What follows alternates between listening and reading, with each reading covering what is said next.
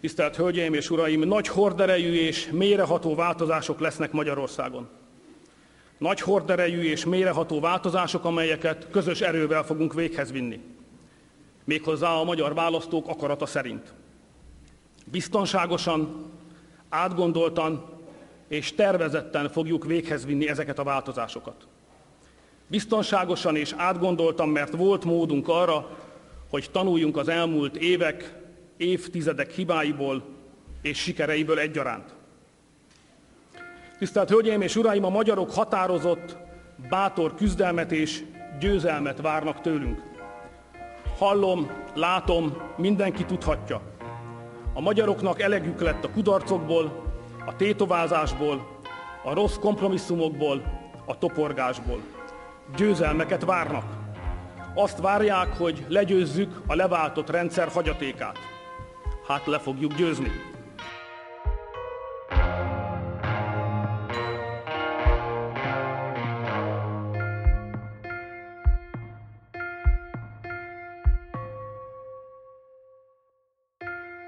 Ez itt a Jognak Asztalánál, a Partizán két hetenként megjelenő jogi podcast műsora. Amiben áttekintjük, hogyan építették fel az államhatalom szerkezetét 2010 után, és hogyan lehetne azt a jogeszközeivel megváltoztatni. A műsorvezetők pedig Molnár Noémi és Kazai Viktor Zoltán.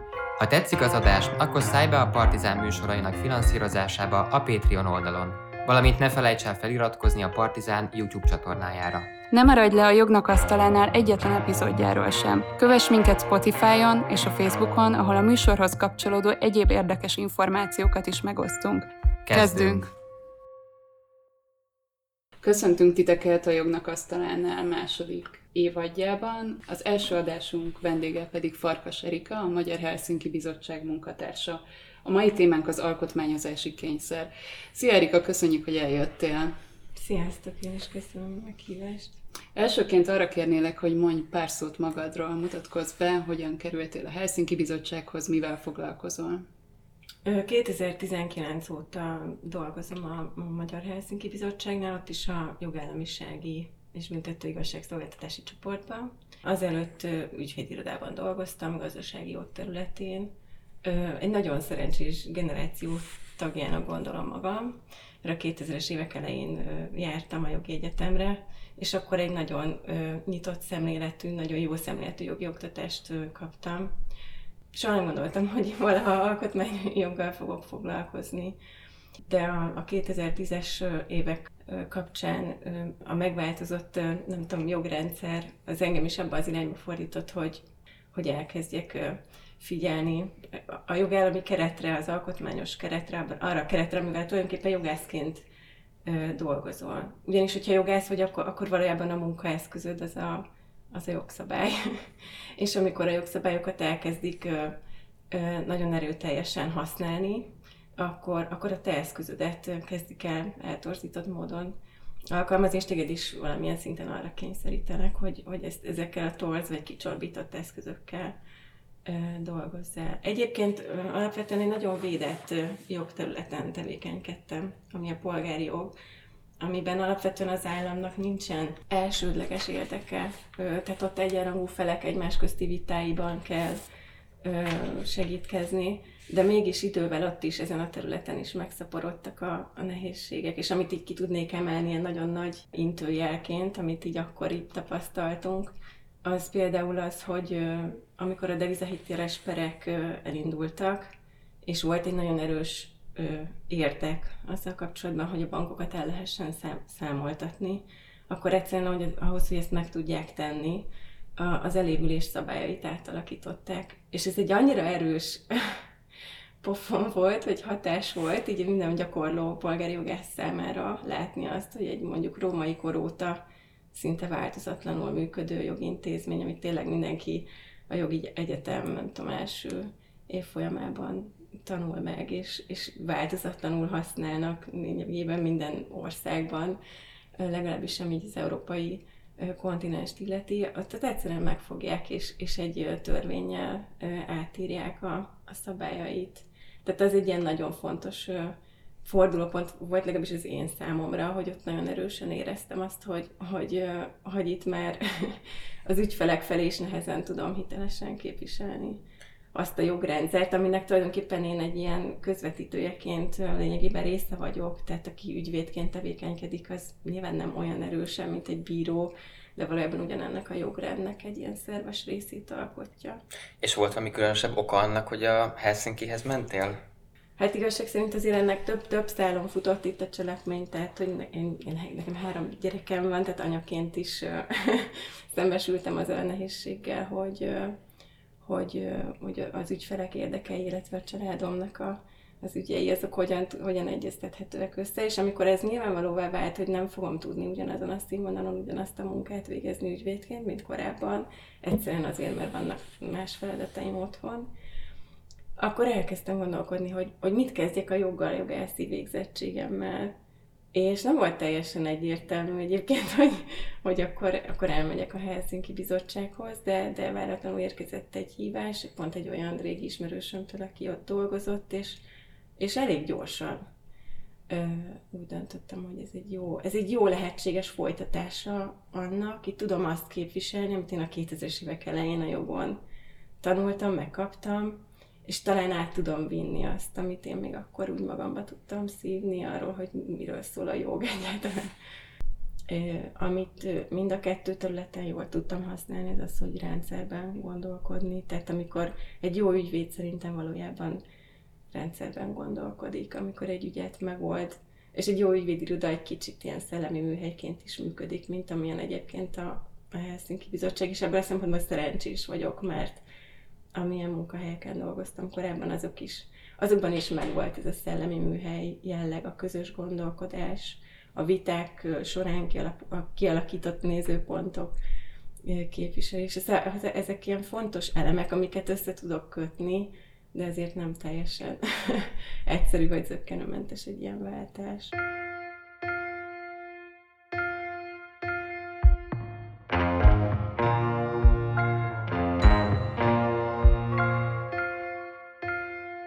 Első kérdésünk az lenne, hogy szerinted miért annyira fontos az áprilisban tartandó országgyűlési választás, mi a választások tétje közjogi szempontból?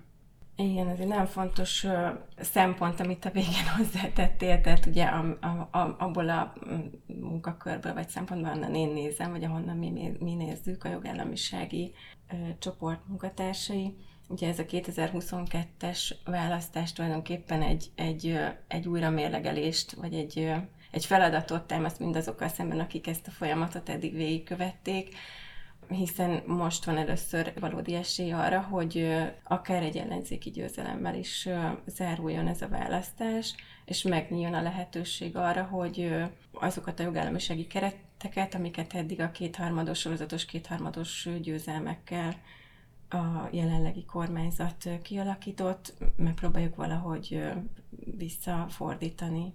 De mit gondolsz arról, hogy azok a mechanizmusok, amelyek már most is léteznek, tehát akár az EU jogállamisági mechanizmusai, akár a hazai alkotmányos intézmények, azok, azok nem képesek arra, hogy, hogy garantálják Magyarországon a, a jogállamiságot? Mondjuk vegyük az EU-t. Hogy látod azt, vagy hogy látja a Helsinki azt, hogy mennyire működnek ezek az EU-s jogállamisági mechanizmusok?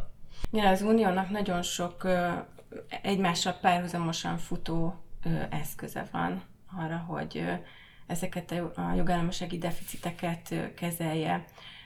De pont ez mutatja, hogy egymással párhuzamosan futó eszközök vannak, azt, hogy valóban egyik sem igazán hatékony vagy alkalmas arra, hogy a, a kialakult problémákat kezelje. Egy, egy új mechanizmus az, ami most igazából még nem tudjuk, hogy hogy fog működni. Ez ugye a, a conditionality néven, vagy feltételesség néven ismert mechanizmus, amit tavaly vezettek be, és amivel kapcsolatban jelenleg egy ilyen függő állapot van, mert az Európai Unió bírósága előtt folyamatban van egy, egy eljárás, aminek a végén az Európai Unió bíróság egyébként a napokban, azt hiszem február 16-ára várható a döntés, Ezt mondjuk el már két szóban, hogy mi ez a, a conditionality mechanizm, annak, aki mondjuk nem követte így uh-huh. a EU-s jogállamisági fejleményeket. Ezt egy uniós rendelet vezette be, 2020 december, decemberében voltak erről tárgyalások, és ezeknek a tárgyalásoknak az eredményeként megszületett egy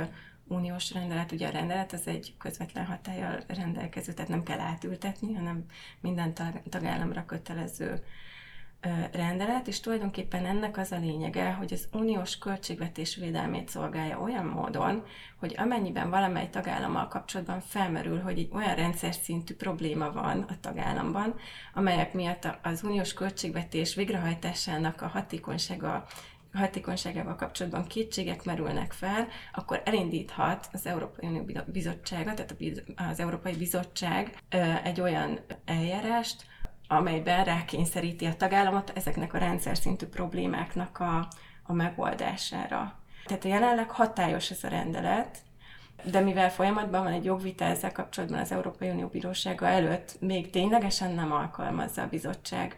Már a sajtóban megjelent hírek szerint elindította a bizottság egy ilyen előzetes tájékozódást Lengyelország és Magyarország ügyében is, tehát már küldtek, tettek olyan lépéseket, amelyek erre a rendeletre vezethetőek vissza, megkeresték ezeket a tagország, a tagállamokat, ahol ö, már régóta húzódó jogállamisági problémák vannak. Ennek a, az EU-s mechanizmusnak az a korlátja, vagy az a szűk keresztmetszete, tehát nem tudunk ezzel mindent orvosolni, de az a szűk keresztmetszete, hogy itt mindenképpen kell, hogy legyen egy közvetlen kapcsolat az uniós költségvetés védelme és a konkrét rendszer szintű probléma között. Ugye Lengyelország esetében hangsúlyosan a bírósági rendszer, az igazságszolgáltatási rendszerrel kapcsolatos problémák vezettek ahhoz, hogy ezt a bizottság elindítsa, tehát Lengyelország is kapott ezeket a sajtóhírekből tudjuk ilyen levelet. Magyarországon érdekes módon ez a megkeresés elsősorban a korrupciós ügyekkel kapcsolatban tehát ez volt a fókusz a megkeresésnek, és noha Magyarországon is az igazságszolgáltatási rendszernek nagyon súlyos problémái vannak, kevésbé hangsúlyosan, de az is előkerült, hogy, hogy azzal kapcsolatban milyen problémák vannak. Tehát ez egy olyan uniós eszközrendszer, ami nagyon új, nagyon fiatal, nem ismerjük még, hogy hogyan fogják alkalmazni. Annyiban ad bizakodásra okot, hogy egy nagyon erős szankciós mechanizmus fűződik hozzá. Tehát azt, hogy az uniós költségvetésből a folyosítást mindaddig megtagadják, amíg ezeket a rendszer szintű problémákat nem orvosolja egy tagállam, az azt gondolom, hogy ez egy elég erős erősen sarkalhatja arra a mindenkori kormányzatot, hogy ezeket a lépéseket megtegye, hogy biztosítsa ezeket a feltételeket. Ugye ez, ez is egy nagyon érdekes dolog, hogy az Unió valójában nagyon sok mindent kérünk számon rajta, de valójában egy gazdasági unióként indult, és e, csupán ilyen kinövések azok a leágazásai azok a területek, amelyekbe egyébként egy jogállamisági probléma megoldása kapcsán nagyon erősen szeretnénk kapaszkodni. Tehát mondjuk az emberi jogok védelme, vagy a demokrácia védelme, ezek azért alapvetően nem egy gazdasági, elsősorban gazdasági fókuszú problémák, mégis az évek során az Unió maga is belátta, az uniós döntéshozók maguk is belátták, hogy ezek azért szorosan összefüggenek egy egészséges, tiszta gazdasági versennyel, és így kerültek be az unió védelmi körébe. Pont ezért, csak hogy visszatérjünk az er-, eredeti kérdés, hogy, hogy folyton az EU-n kérjük számon azt, hogy nem kellően hatékony az ilyen jogállamisági típusú problémák megoldásában, miközben eredendően nem ez a célja, ez csupán egy ilyen nagyon fontos háttér ahhoz a célhoz, amire az Unió létrejött. Tehát ott, ahol mondjuk az EU-nak a pénzügyi érdeke nem mutatható ki, ott a nemzeti hatóságokra van bízva a jogállamiság védelme? Nem teljesen igaz ez, mert ugye itt van akkor még egy, még egy uniós mechanizmus, ez a hetes cikkes eljárás, és ami egyébként ugyancsak az Európai Unióról szóló szerződésnek a második cikkével kapcsolatos követelményeket kéri számon ilyen esetben a tagállamokon, csak ezzel kapcsolatban azt mutatják az elmúlt évek történés, hogy ez nem tud kellően hatékonyan működni. Mert itt a tanácsnak kell lépéseket tenni, és a tanács az egy alapvetően az mindenkori kormányzati képviselőkből álló testület, tehát alapvetően egy elég erősen politikai testület, és noha folyamatosan porondon tartják a hetes cikkes eljárást, tehát nem, ért, nem ért véget. Ez még mindig folyamatban van Magyarország ellen. Évről évre nagyon keveset hallunk arról, hogy milyen, milyen előrelépés történik ezekben az eljárásokban. Hát arról nem is beszél, hogy igazából most a hetes hetedik cikk első bekezdése szerinti eljárás van folyamatban, ami ugye csak arra vonatkozik, hogy megállapítsák, hogy a veszélye fennáll-e, hogy az értékek uh, sérülnek-e Magyarországon, és akkor a hetes cikk kettő szerinti, amikor már konkrétan megállapítanák a sérelmet, és esetleg szankciókat is alkalmaznának, az még a kanyarban sincsen. Igen. De azokon a területeken, ahol nem az Unió a kompetens. Szerinted a, a magyar alkotmányos szervek, és ideértve az alkotmánybíróságot, a, a kúriát, az ombudsman, ezek a te tapasztalatod szerint mennyire alkalmasak arra, hogy biztosítsák Magyarországon a jogállamiságot? Ez egy nagyon teg kérdés. Nyilvánvalóan így összefoglalóan el lehet mondani róluk pár, pár szót. Ugye itt egy a harmadik ciklusa végén vagyunk ennek a kormányzatnak, és mindvégig szinte egy, egy rövid, nagyon rövid kivételes időszaktól eltekintve kétharmados többséggel kormányoztak, tehát egy olyan időpontban vagyunk most, amikor már igen, valóban a jogállami keretek nagyon erősen le vannak bontva, és ezek a szervek, az Alkotmánybíróság, a kúria nagyon kevéssé alkalmasak arra, hogy, hogy a, a jogállami követelményeknek eleget tegyenek. Az utóbbi pár évben az, az egyik legradikálisabb változás a jogállamisági konstrukcióban az igazságszolgáltatási rendszerrel kapcsolatban következett be, ami azért nagyon meghökkentő, mert a, az egész kétharmados többséggel indult kormányzás kezdetén már volt egy nagyon erőteljes igazságügyi reform. Tehát már 2012-ben volt egy nagyon erőteljes igazságügyi reform, mert akkor nagyon keményen belenyúltak a, a bírósági szervezetrendszerbe, és az, hogy itt a, a harmadik kétharmados ciklus végén is még egyszer szükség volt erre, az már, az már szintlépés így a jogállamisági keretek lebontásában. Amiről teljesen konkrétan szó van, az az, hogy a, az utóbbi pár év legaggasztóbb fejleménye az a, a bírósági szervezetrendszer újabb hát tulajdonképpen reformja, amit lényegében nem egyszerre egyetlen jogalkotási lépéssel vittek át, hanem három lépésben, 2019 óta minden egyes év decemberében, ez is egyébként egy know-how, hogy, hogy mindig decemberben lényegében a, a karácsony, az év vége előtti utolsó pillanatban visznek át nagyon fontos jogszabályváltoztatásokat, tehát 2019 óta minden év decemberében módosították a bírósági szervezetrendszerről szóló törvényeket, és ezeknek az eredményeként tulajdonképpen létrehozták azt a közigazgatási bíráskodási rendszert, vagy annak egy alternatíváját, amit 2018-ban egy ilyen nagyon nagy nemzetközi ellenkezés miatt végül is nyilvánosan azt állították róla, hogy, hogy ezt elvetették, ezt a tervet, de valójában ezt, ezt végigvitték pontról pontra ki lehet mutatni, hogy hogyan, hogyan oldották meg azt, amit a közigazgatási különbíróságokról szóló törvényben el szerettek volna írni, célként, hogy hogyan valósítottak meg,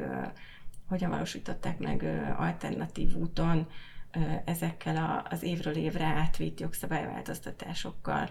És itt egy kicsit azért át, átlépünk abba a témakörbe is, amivel, amivel kapcsolatban ma, ma beszélgetni jöttem, hogy, hogy egy tulajdonképpen az, hogy a választások előtti utolsó egy-két évben milyen jelentős változtatásokat vitt véghez a kormányzat, azt is jelzi, hogy nagyon erőteljesen, nagyon erőteljes félelem volt ezzel kapcsolatban, hogy, hogy már nem fogja tudni megőrizni ezt a kétharmados többségét.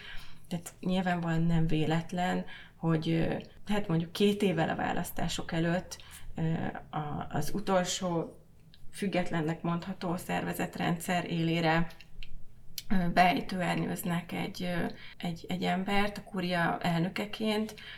Ugye ezt is folyamatos jogszabályváltoztatások útján tették lehetővé, tehát először előkészítették azzal, hogy az alkotmánybírák számára lehetővé tették, hogy egy kérelem alapján bírói státuszt nyerjenek, ami önmagában egy abszurdum, tehát a bíráknak nagyon szigorú, minden egyes bírónak ma a magyarországi bírósági rendszerben nagyon szigorú pályázati feltételeknek kell eleget tenni, egy nagyon hosszú életpálya kell ahhoz ezen túl is, hogy, hogy egyáltalán a kúriára eljussanak bíróként, és hát egyáltalán nem véletlen, hogy amikor a korábbi a kúria korábbi elnökének a mandátuma lejárt, akkor tulajdonképpen egy kívülről beejtőernyőzött személy került a, a kúria élére.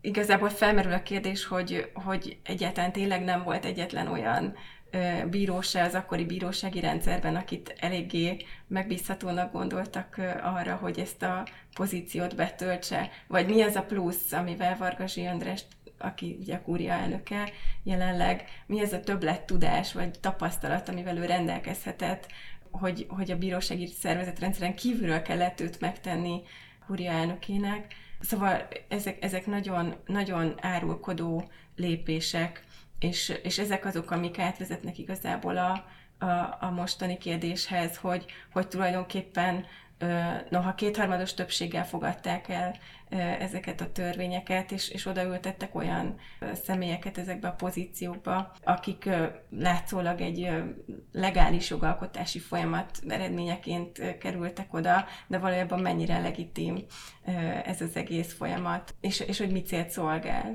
Tehát, hogy ezek a kérdések azért ott vannak, és hogy milyen erősen összefügg a jogállamiság és a demokratikus működés tehát, hogy azzal, hogy a jogállamisági szervezetrendszert e, legyengítik, valójában egy, egy demokratikus működést, egy, egy jövőbeli demokratikus választás eredményeit kívánják aláásni.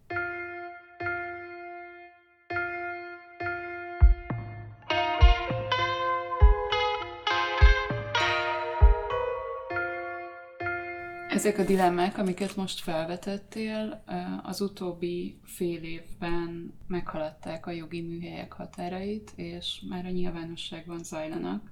Viktor, te írtál egy cikket arról a mércén, hogy mik ennek a vitának a fő pontjai. Légy vázolt fel nagyjából, hogy, hogy mik, azok a, mik azok a problémakörök, amiről elkezdtek közjogászok, alkotmányjogászok vitatkozni.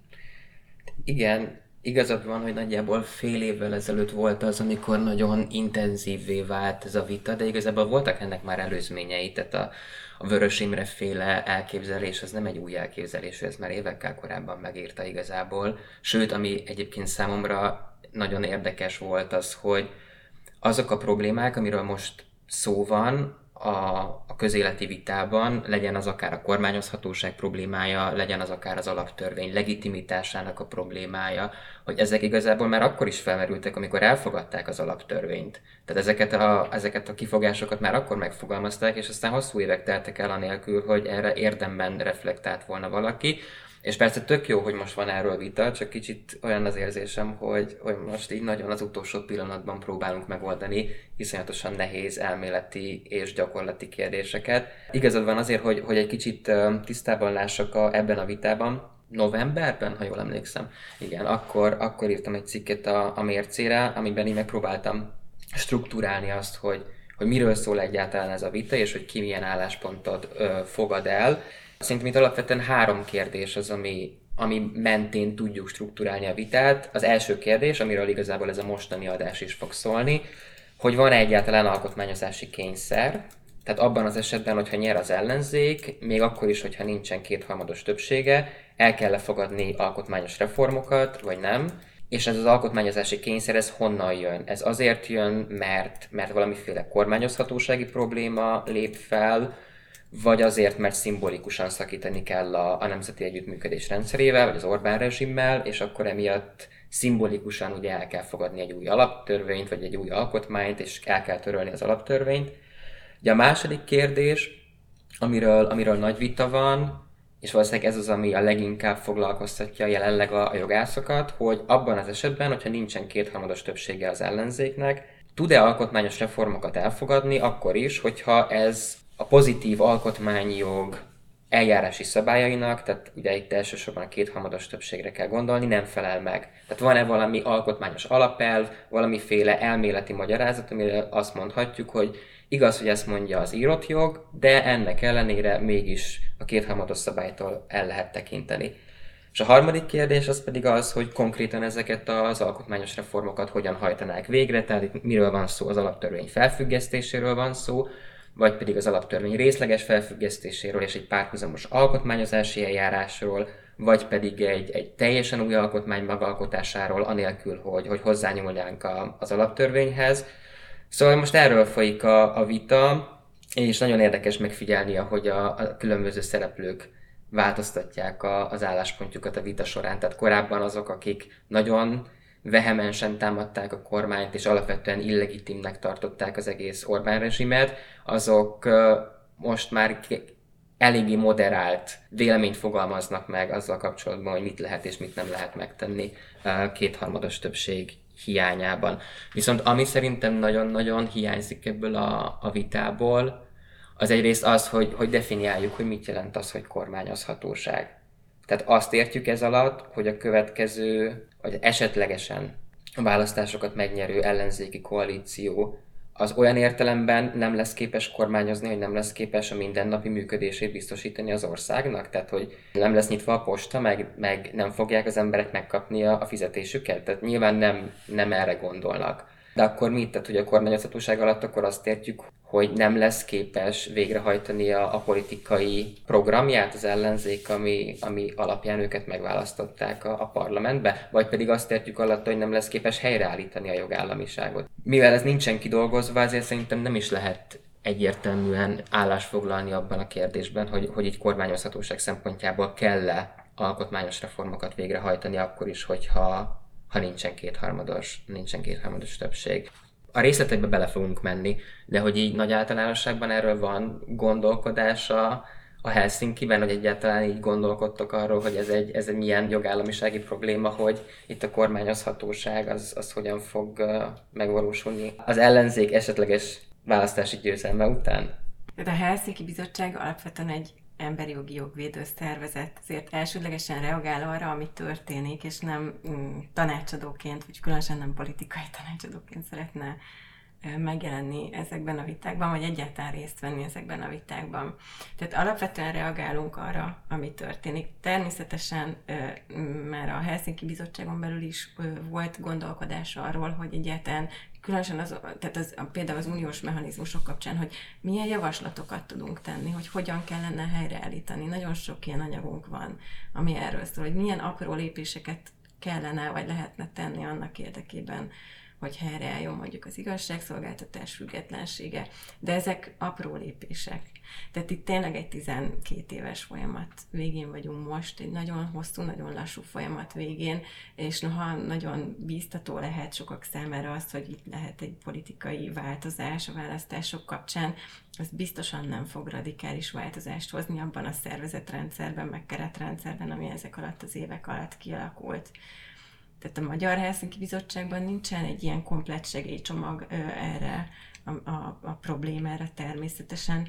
Házon belül nagyon sok külön témával foglalkozunk, és ott nagyon konkrét ajánlásaink vannak, de, de nem, tehát senkinél nincs az, ott a Szent Grál, azt gondolom ugyanúgy nálunk sincs itt a Szent Grál, és nyilván a probléma megoldásához pedig kell egy politikai szándék is, ami aztán végképp hiányzik ebből a szervezetből. Térjünk rá a konkrétumokra, hogy a, a kormányozhatóság problémája az milyen forrásokból eredhet. És itt általában két forrás szoktak megjelölni, az egyik a kétharmados jogszabályok, vagy a kétharmados szabályok részben, ami az alaptörvényben van, részben, ami a kétharmados jogszabályokban, vagy sarkalatos törvényekben van, másrészt pedig a, ezek a kétharmados kinevezettek, hogy így mondjam, tehát aki a kúria élén áll, az alkotmánybírák, a legfőbb ügyész és a többi.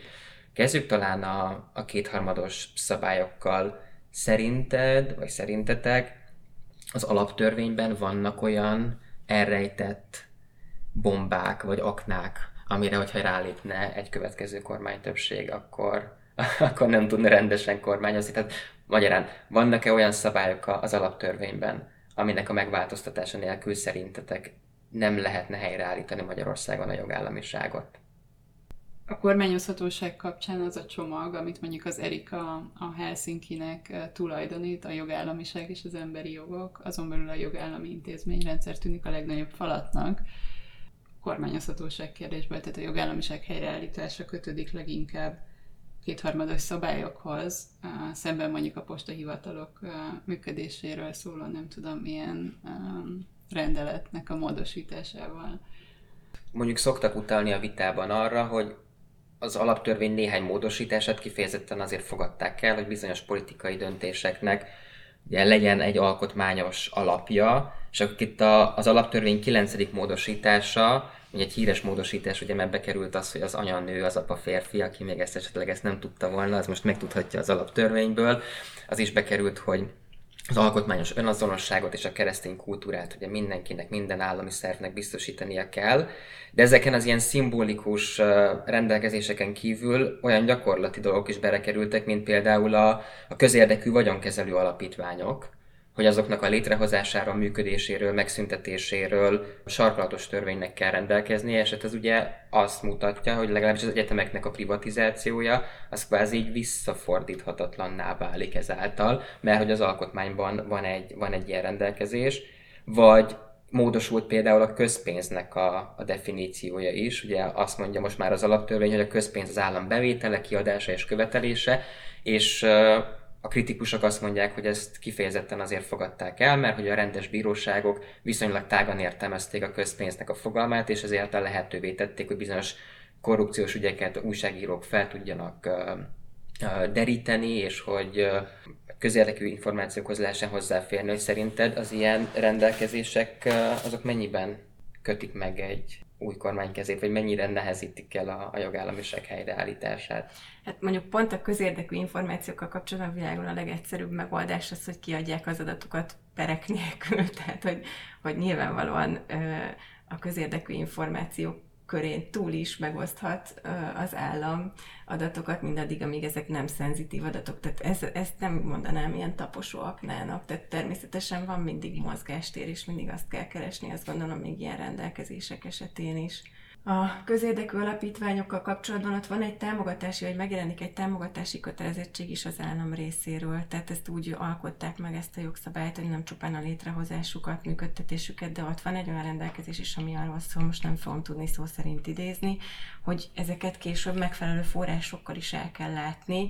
Ez például egy, egy fontos kérdés lehet, hogy akkor mennyiben mennyiben hajlandó egy következő kormányzat ezeket a pénzcsapokat továbbra is nyitva tartani, hogyan tudja szabályozni.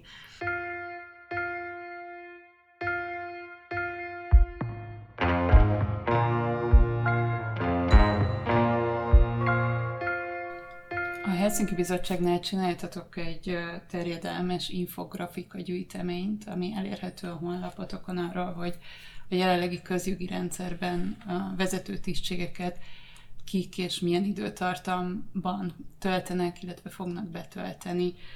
Össze tudnád foglalni, hogy ezek közül a tisztségek közül mik azok, amik a jogállamiság szempontjából kulcsfontosságúak? Igen, ez egy nagyon uh, szuper kis al honlapja, vagy allapja a honlapunknak. Azon, azon a címen érhető el, hogy cementezettek hu és azért választottuk ezt a nevet, mert nagyon jól mutatja azt, hogy, hogy az ő az ő megválasztásukkal valójában a politikai hatalom átmentését próbált elérni a, a jelenlegi kormány. Ami, ami tényleg ebből a szempontból fontos, az az, hogy a, a, a legalábbis a miniszterelnök meghatározása szerint a jelenlegi rezsim egy illiberális demokrácia tehát noha illiberális, de azért demokrácia, és azt gondolom, hogy ezzel a kis grafikonnal is nagyon szépen lehet mutatni azt, hogy, hogy valójában nagyon kevéssé demokratikus vagy valódi demokrácia már az, ami Magyarországon van, hiszen a demokráciának a lényege az egyfajta ilyen váltógazdaság, tehát az, hogy, hogy azok a jogszabályi keretek, amik, amik fennállnak, azok lehetővé teszik a méltányos politikai versenyt, és adott esetben egy változásra adnak lehetőséget akkor, hogyha a, változ- a választók a változásra szavaznak. És ez a picike grafikon egy nagyon kiragadott példa igazából azzal kapcsolatban, hogy milyen szinten nem demokrácia a, a jelenlegi rendszer, hiszen azt mutatja meg, hogy a nagyon fontos kulcs pozícióban lévő szereplők még hány évig, egy ilyen szemegyenesen mutatja, hogy hány évig fognak pozícióban maradni. Ugye ez egyik ilyen fontos terület, az a törvényhozás területe, a költségvetési tanácsnak a tagjai, azok lényegében változatlanul ugyanazok lesznek, és az ő, az ő kezükben van egy erős vétójog. A másik nagyon fontos pozíció, akiről már volt szó, az igazságügyi szervezetrendszeren belül a kúria elnöke, illetve hozzá szinte majdnem hasonló hosszúságban, időbeli terjedelemben velünk marad még a, az OBH elnöke, Senyei Barna. Ugye ők ketten tulajdonképpen mm, két ilyen szuperhatalmi központot jelentenek a bírósági szervezetrendszeren belül. A, a kúria elnök ez világos, hogy, hogy ugye befolyással lehet a bíróságoknak a, a tevékenységére, az ítélkezésére, de az OBH elnöke miért baj, hogyha ha egy olyan ember marad, aki, akit még a mhm. Fidesz uh-huh. hagyott hátra?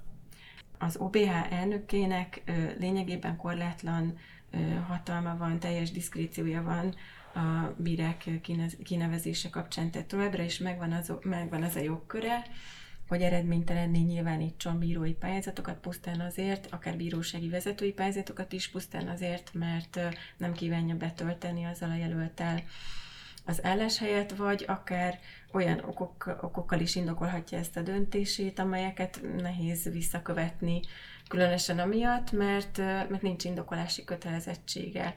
Tehát egy olyan teljes diszkrécióval rendelkezik a bírósági szervezetrendszernek a kúrián kívüli területén, ami azonos lényegében a kúria elnökének, a kúriával kapcsolatos döntési jogköreivel.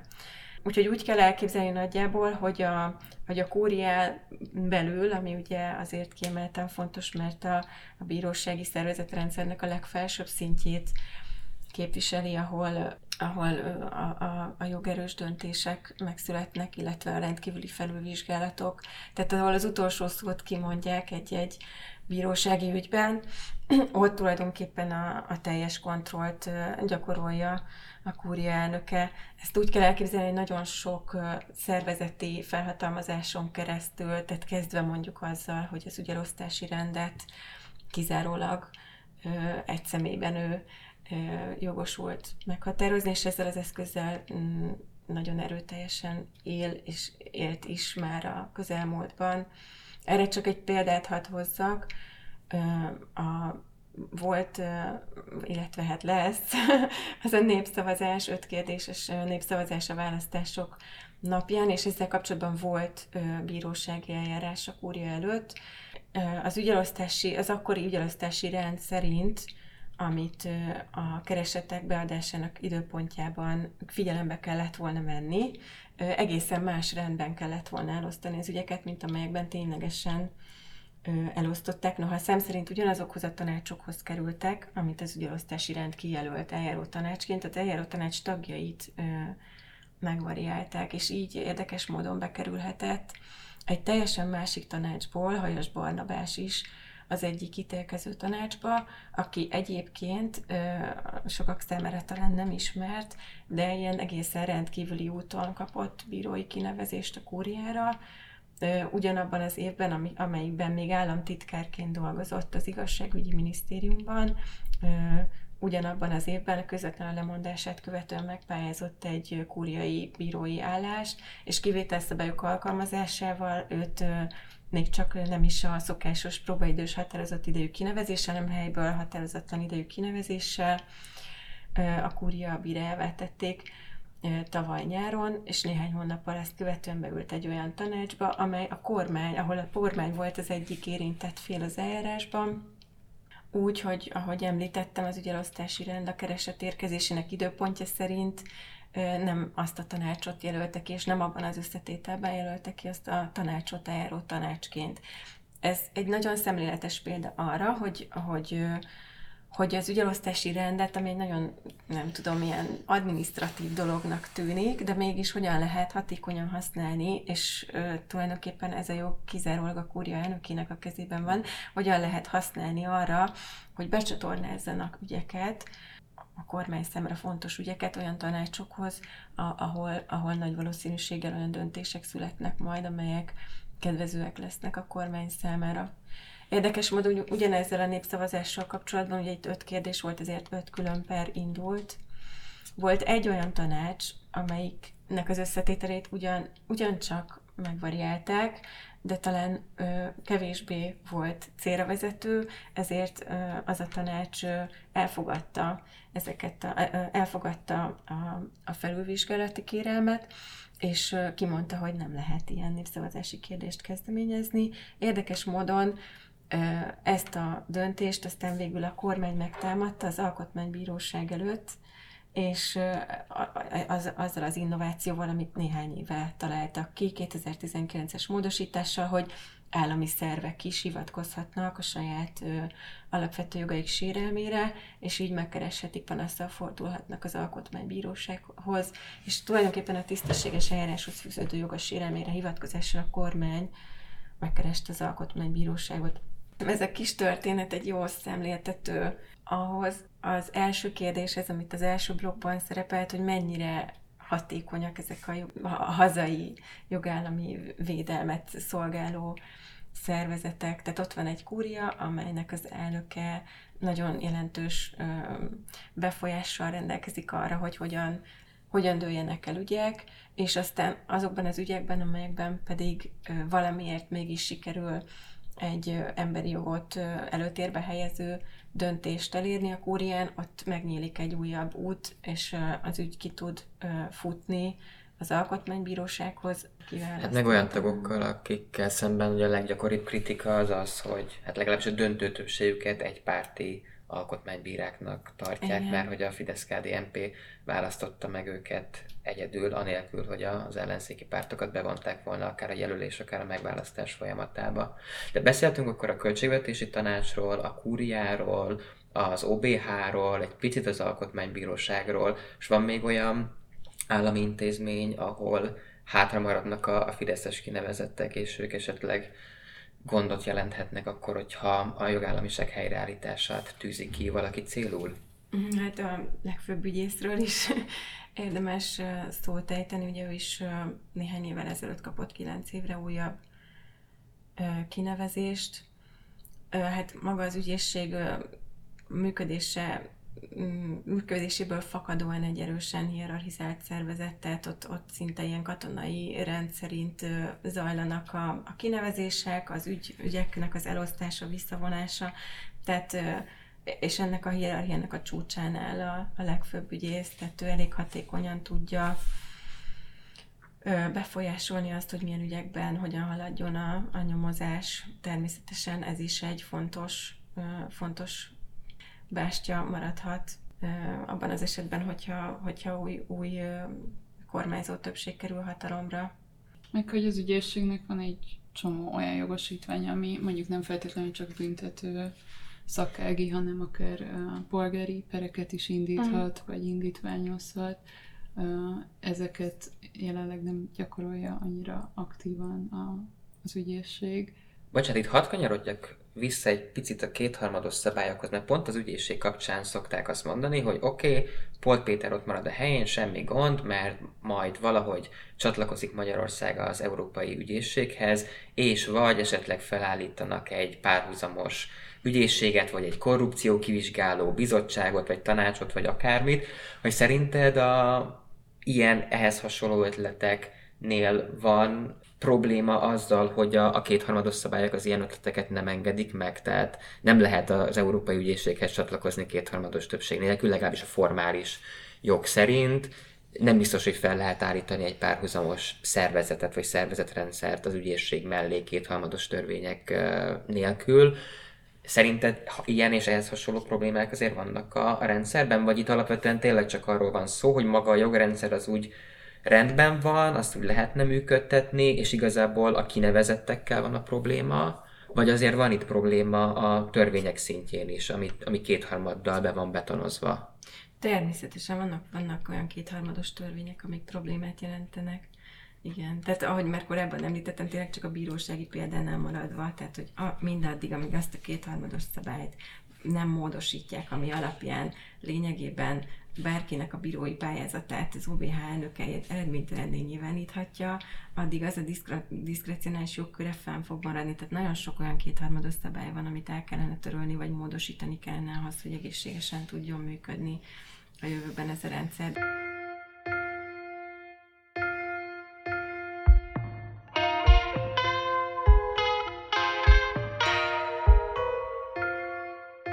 Említetted a diszkrecionális jogköröket, azaz azokat a, azokat a jogköröket, ahol van valamiféle mérlegelési lehetőség az adott szervnek.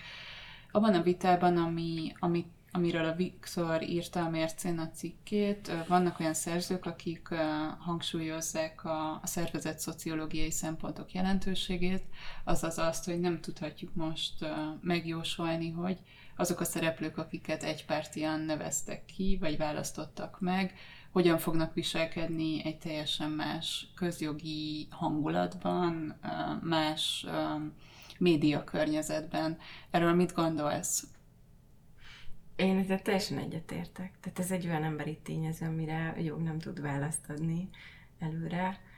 Igen. Tehát ezt nem, nem tudjuk. Én, én úgy képzelem, hogy hogy egy ilyen nagy kormányzati nyomás, az tényleg úgy tud működni, mint egy erős mágnes. Tehát, hogy nagyon erősen, akár önkéntesen is abba az irányba fordítja az embereket, hogy külön kérés nélkül is uh-huh. megpróbáljanak eleget tenni. Amit én közelebbre vizsgálok, az a bírói szervezetrendszer, és ott nagyon erősen érzékelhető ez a fajta, tehát a nyomásra, hogy így, így, így reagálnak. Igen, ez szerintem egy nagyon vicces dolog, amikor jogászok megpróbálnak szociológus játszani, vagy, vagy politikatudós játszani, és akkor előre megjósolni, hogy az emberek hogy viselkednének, meg a kinevezettek hogy viselkednének, de azért a, néhány kinevezetnél legalábbis a kinevezés körülményeiből, meg az előéletéből azért lehet következtetni. Tehát, hogy Vargazsi Andrásnál azért azt hozzá lehet tenni, hogy nem csak egyszerűen a, az Alkotmánybíróság tagja volt korábban, akit ugyancsak a Fidesz-KDNP többség nevezett ki az ellenzék bevonása nélkül, de hát ő volt korábban például a, a Velencei Bizottság azon tagja, akit akkor küldött ki a kormány, mikor leváltották Pacolai Pétert, az Alkotmánybíróság korábbi elnökét, azon a néven, vagy azon a címen, hogy bizalomvesztés áll fent, állt fenn vele kapcsolatban, a kormány visszahívta, és betette Vargozsi Andrást a Velencei Bizottságba, ami már csak azért is vicces, mert a Velencei Bizottság ugye egy olyan nemzetközi szervezetnek a része, amely kifejezetten azért jött létre, hogy a jogállamisági helyzetet értékelje az egyes tagállamokban, és előtte ő volt mondjuk Polt Péter helyettese. Tehát, hogy ilyen esetben persze nem tudjuk megmondani, hogy Vargasi András hogyan viselkedne, de mondjuk azért az előéletéből kicsit lehet következtetni, hogy ott van például az állami számvevőszék elnöke, aki egészen konkrétan fideszes politikus volt korábban, vagy a Magyar Nemzeti Bank elnöke, aki egészen konkrétan a minisztere volt a korábbi Orbán kormánynak. Tehát, hogy azért szerintem vannak olyan kinevezettek, ahol nem annyira nehéz előre megjósolni, hogy, hogy hogyan viselkednének. Beszéltünk erről a vitáról, ami, ami korábban kezdődött, de hogy fél éve zajlik igazán intenzíven. Beszéltünk arról is, hogy ennek a szereplői elsősorban közjogászok, egyetemi oktatók, kutatók. Vannak-e ennek a vitának atipikus szereplői szerintetek? Igen, tavaly decemberben jelent meg egy egészen atipikus közlemény, egy nyílt levél formájában, amit a Sőjog Tamás, az Alkotmánybíróság elnöke adott ki, intézett a, a kormányhoz tulajdonképpen, és ami arról szólt, hogy tulajdonképpen reakcióként erre, erre a gondolkodásra, erre a nagyon aktív gondolkodásra, ami elindult folyóiratokban, publikációk formájában, ami arról szólt, hogy az alkotmányos rend megdöntését célzó kezdeményezések látnak napvilágot, és, és azt is felvetette ez a nyílt levél, hogy ezek tulajdonképpen bűncselekmény ö, valósítanak meg, amivel kapcsolatban azért azt érdemes elmondani, hogy, ö, hogy a jelenlegi szabályozás szerint az alkotmányos rend erőszakos megdöntése tekinthető bűncselekménynek, tehát mindaddig, amíg ez ember egy tanulmányt ír, én azt gondolom, hogy semmilyen erőszakot nem követel. Ezért nem lehet... Nem Igen, vagy ha nagyon erőszakosan írja ezt a tanulmányt nem lehet ezt BTK-s nem tudom, tényállásnak minősíteni, és egészen gyorsan a kúria elnöke is előállt egy hasonló közleménnyel, amelyben támogatta az Alkotmánybíróság elnökét, és és a kúria nevében tulajdonképpen azt nyilatkozta, hogy mindent meg fog tenni annak érdekében, hogy, hogy megvédje a jelenlegi alkotmányos rendet, és aminek ez egy nagyon érdekes további vagy utóélete, hogy a kúria elnöke hivatalból tagja az Országos Bírói Tanácsnak is, amelynek a soron következő ülésére a kúria elnöke bevitte ezt a, ezt a tulajdonképpen egy ilyen politikai tartalmú nyilatkozatnak tekinthető előre megszövegezett szöveget, és azt javasolta a tagoknak, hogy fogadják el a bírói függetlenség védelme érdekében, és, és az OBT tagok egyhangulag elutasították ezt a kezdeményezést. Azért nem tudták egyhangulag természetesen, mert az egyik tagjuk a, a kúria elnöke, aki nyilván arra szavazott, hogy, hogy ezt el kell fogadni. Nagyon, tényleg, de nagyon tanulságos az a jegyzőkönyv, ami, ami azon, a, azon az ülésen született, tehát az nagyon szépen bomlik ki az, ahogy, ahogy a bírói függetlenséget, meg a igazgatást képviselő kiáll a, a saját függetlensége érdekében, és hogyan próbálják, vagy hogyan próbálja befolyásolni ezt a kúria elnöke, miközben egyébként ezzel párhuzamosan nagyon érdekes módon ugyanezen a testületi ülésen arról is beszélgettek, hogy egy lengyel dokumentumfilm kapcsán elmehet-e beszélgetni az Országos Bírói Tanács egyik tagja egy pódiumbeszélgetésre. Ugye a lengyel események sokkal nyilvánvalóbbak, meg brutálisabbak ott a bírókkal szembeni támadások, és ugyanezen az ülésen tulajdonképpen Vargasi András felvetésére, illetve Trépási Robert is jelen volt, nagyon erősen azt közvetítették, hogy ez egy politikai tevékenység lenne a bírák részéről, hogy így végül az OBT megosztottan ugyan, de 7-8 arányban leszavazta azt, hogy megjelenjen egy hivatalos képviselőjük. Ami ezért szomorú egyébként, mert a, a bírák függetlenségével kapcsolatos problémák a bírák maguk nagyon magányosan maradnak, nagyon egyedül maradnak. Ezért nagyon fontos, hogy szolidaritást mutassunk mi is, meg ők is az egymás, egymás függetlenségét lerontó. Tehát nagyon fontos lett volna, hogy a lengyel bírákkal kapcsolatos események kapcsán jelen legyen valaki, magyar bíró, aktív magyar bíró ezen a pódiumbeszélgetésen, de ez végül nem tudott megvalósulni legalábbis ebben a formában, hogy az OBT egyik tagja elmehessen.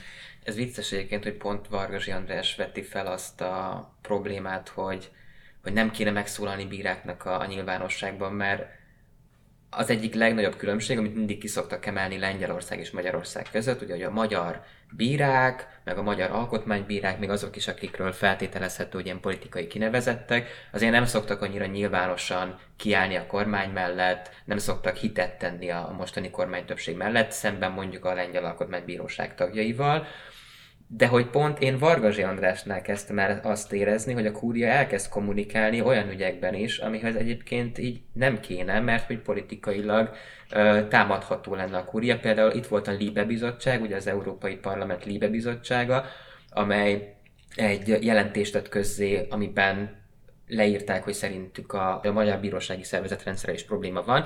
Ezt fogta a kúria, elkezdte kommentelni ezt a PDF dokumentet, és utána kitette a kúria honlapjára. Ez fantasztikusan vicces ez a, ez a történet. Én csak annyit tennék hozzá, hogy, hogy szerintem ez jó, hogy történik, mert mert a magyar bírósági rendszert hagyományosan amiatt bírálták, hogy, hogy minden a talár mögött történik, és hogy fogalmunk sincs, hogy mi történik a szervezet rendszerben. És szerintem, ha már ez van, akkor jobb, hogyha kikerül ez a PDF a kúria honlapjára, és ott van világosan, arra lehet reflektálni, és tudjuk, vagy legalábbis egy bizonyos betekintést kapunk arra, hogy, hogy mi történik uh, fent uh, a, a partnaszusokban, az igazságszolgáltatás malmaiban. Szóval, hogy én inkább a mellett lennék, hogy, hogy lássunk világosan, és játszanak a, a bírák egymás között is nyílt kártyákkal, és szerintem ilyen szempontból csodálatos az OBT jegyzőkönyve és a honlapja, amit fenntart az OBT. Saját költségen. Saját költségen mert hogy szó szerinti képet kapunk arról, hogy milyen viták zajlanak a bírók között. Te erről mit gondolsz, Erika? Hát én óriási rajongója vagyok az OBT jegyzőkönyvnek, tényleg. Tehát eh, nagyon fontos, ami ott zajlik, egy kicsi testületülésén nagyon tisztán megmutatkoznak ezek a problémák, és itt tényleg tudnék sorolni rengeteg történetet az OBT korábbi, akár csak az elmúlt egy évéből. Tehát visszatérve az OBH elnökre egyébként, az OBT megkísérelte bekérni azokat az adatokat, amelyek alapján az OBH elnöke diszkrecionális jogkörben jutalmakat osztogatott elképesztő mennyiségben, tehát 700 milliós nagyságrendben, ha jól emlékszem, a 2019. évben, és csak agregált adatokat kapott, kapott meg azon a címen, hogy hát ez személyiségi jogot sértene, hogyha ezekről a pénzekről, de ez teljesen nyilvánvalóan például egy olyan téma, amit akár közvetlen összefüggésbe is lehetne hozni a, az uniós költségvetés sérelmével, hiszen rengeteg olyan projekt valósul meg, akár a bírósági szervezetrendszeren is belül, amit uniós támogatásból valósítanak meg, és hogyha nincs legalább egy olyan pont, ahol ki lehetne kérni, hogy ezeket az uniós projektpénzeket hogyan, miként költötték el, akkor az egy, egy súlyos probléma. És azért nem tudta egyébként az OBT kikérni ezeket az adatokat, mert nincs jogi személyisége. És ez is egy olyan probléma, amit 2012 óta folyamatosan a jogvédőszervezetek mondanak, hogy ez probléma, hogy itt van egy alkotmányos mm, szereppel felruházott testület jogi személyiség nélkül. És ez nem, nem csupán egy ilyen elvi, elvont probléma, hanem például itt teljesen konkrétan megakadályozta az OPT-t abban, hogy per, per útján kikérje ezeket az adatokat. Tehát odáig tudtak eljutni, hogy nézték ezeket az agregált számokat, amik nagyon-nagyon magas összegeket mutattak, és közben semmilyen, semmilyen további információhoz nem jutottak. Ugye az Alkotmánybíróság elnöke azt követően, hogy, hogy kiadta ezt a hivatalos közleményt, aztán adott egy interjút is. És ebben az interjúban arról beszélt, hogy aki az alkotmánybírók elmozdításában gondolkodik, az nem sakkozik, hanem felborítja a saktáblát. És én ezen az idézeten egészen, egészen megdöbbentem. Tehát, hogy ő, mint ennek a testületnek a feje még képes sakjátszmaként értékelni azt a helyzetet, ami 12 év alatt kialakult, ahol az elmúlt 12 évben ezen a saktáblán a bábukat lényegében egyetlen egy fél mozgatta a kétharmados többség birtokában, és szinte alig maradt mozgástere a másik félnek. Tehát ugye szerintem egy, egy elképesztően cinikus kijelentés, hogy, hogy az, azt a küzdelmet, amit tényleg itt, itt nagyon nagy viták, meg tanulmányok útján sokan vívnak azzal kapcsolatban, hogy mit lehet kezdeni ezzel az ördöglakattal, ami, ami erre a hatalmi struktúrára, alkotmányi struktúrára rákerült, hogyan lehet azt egyáltalán elkezdeni leszedni, hogyan lehet működtetni az ördöglakattal rajta, hogy ezt ennyire egyszerűen egy ilyen, egy ilyen példával szeretnék szemléltetni, itt valakik felborítják a saktáblát.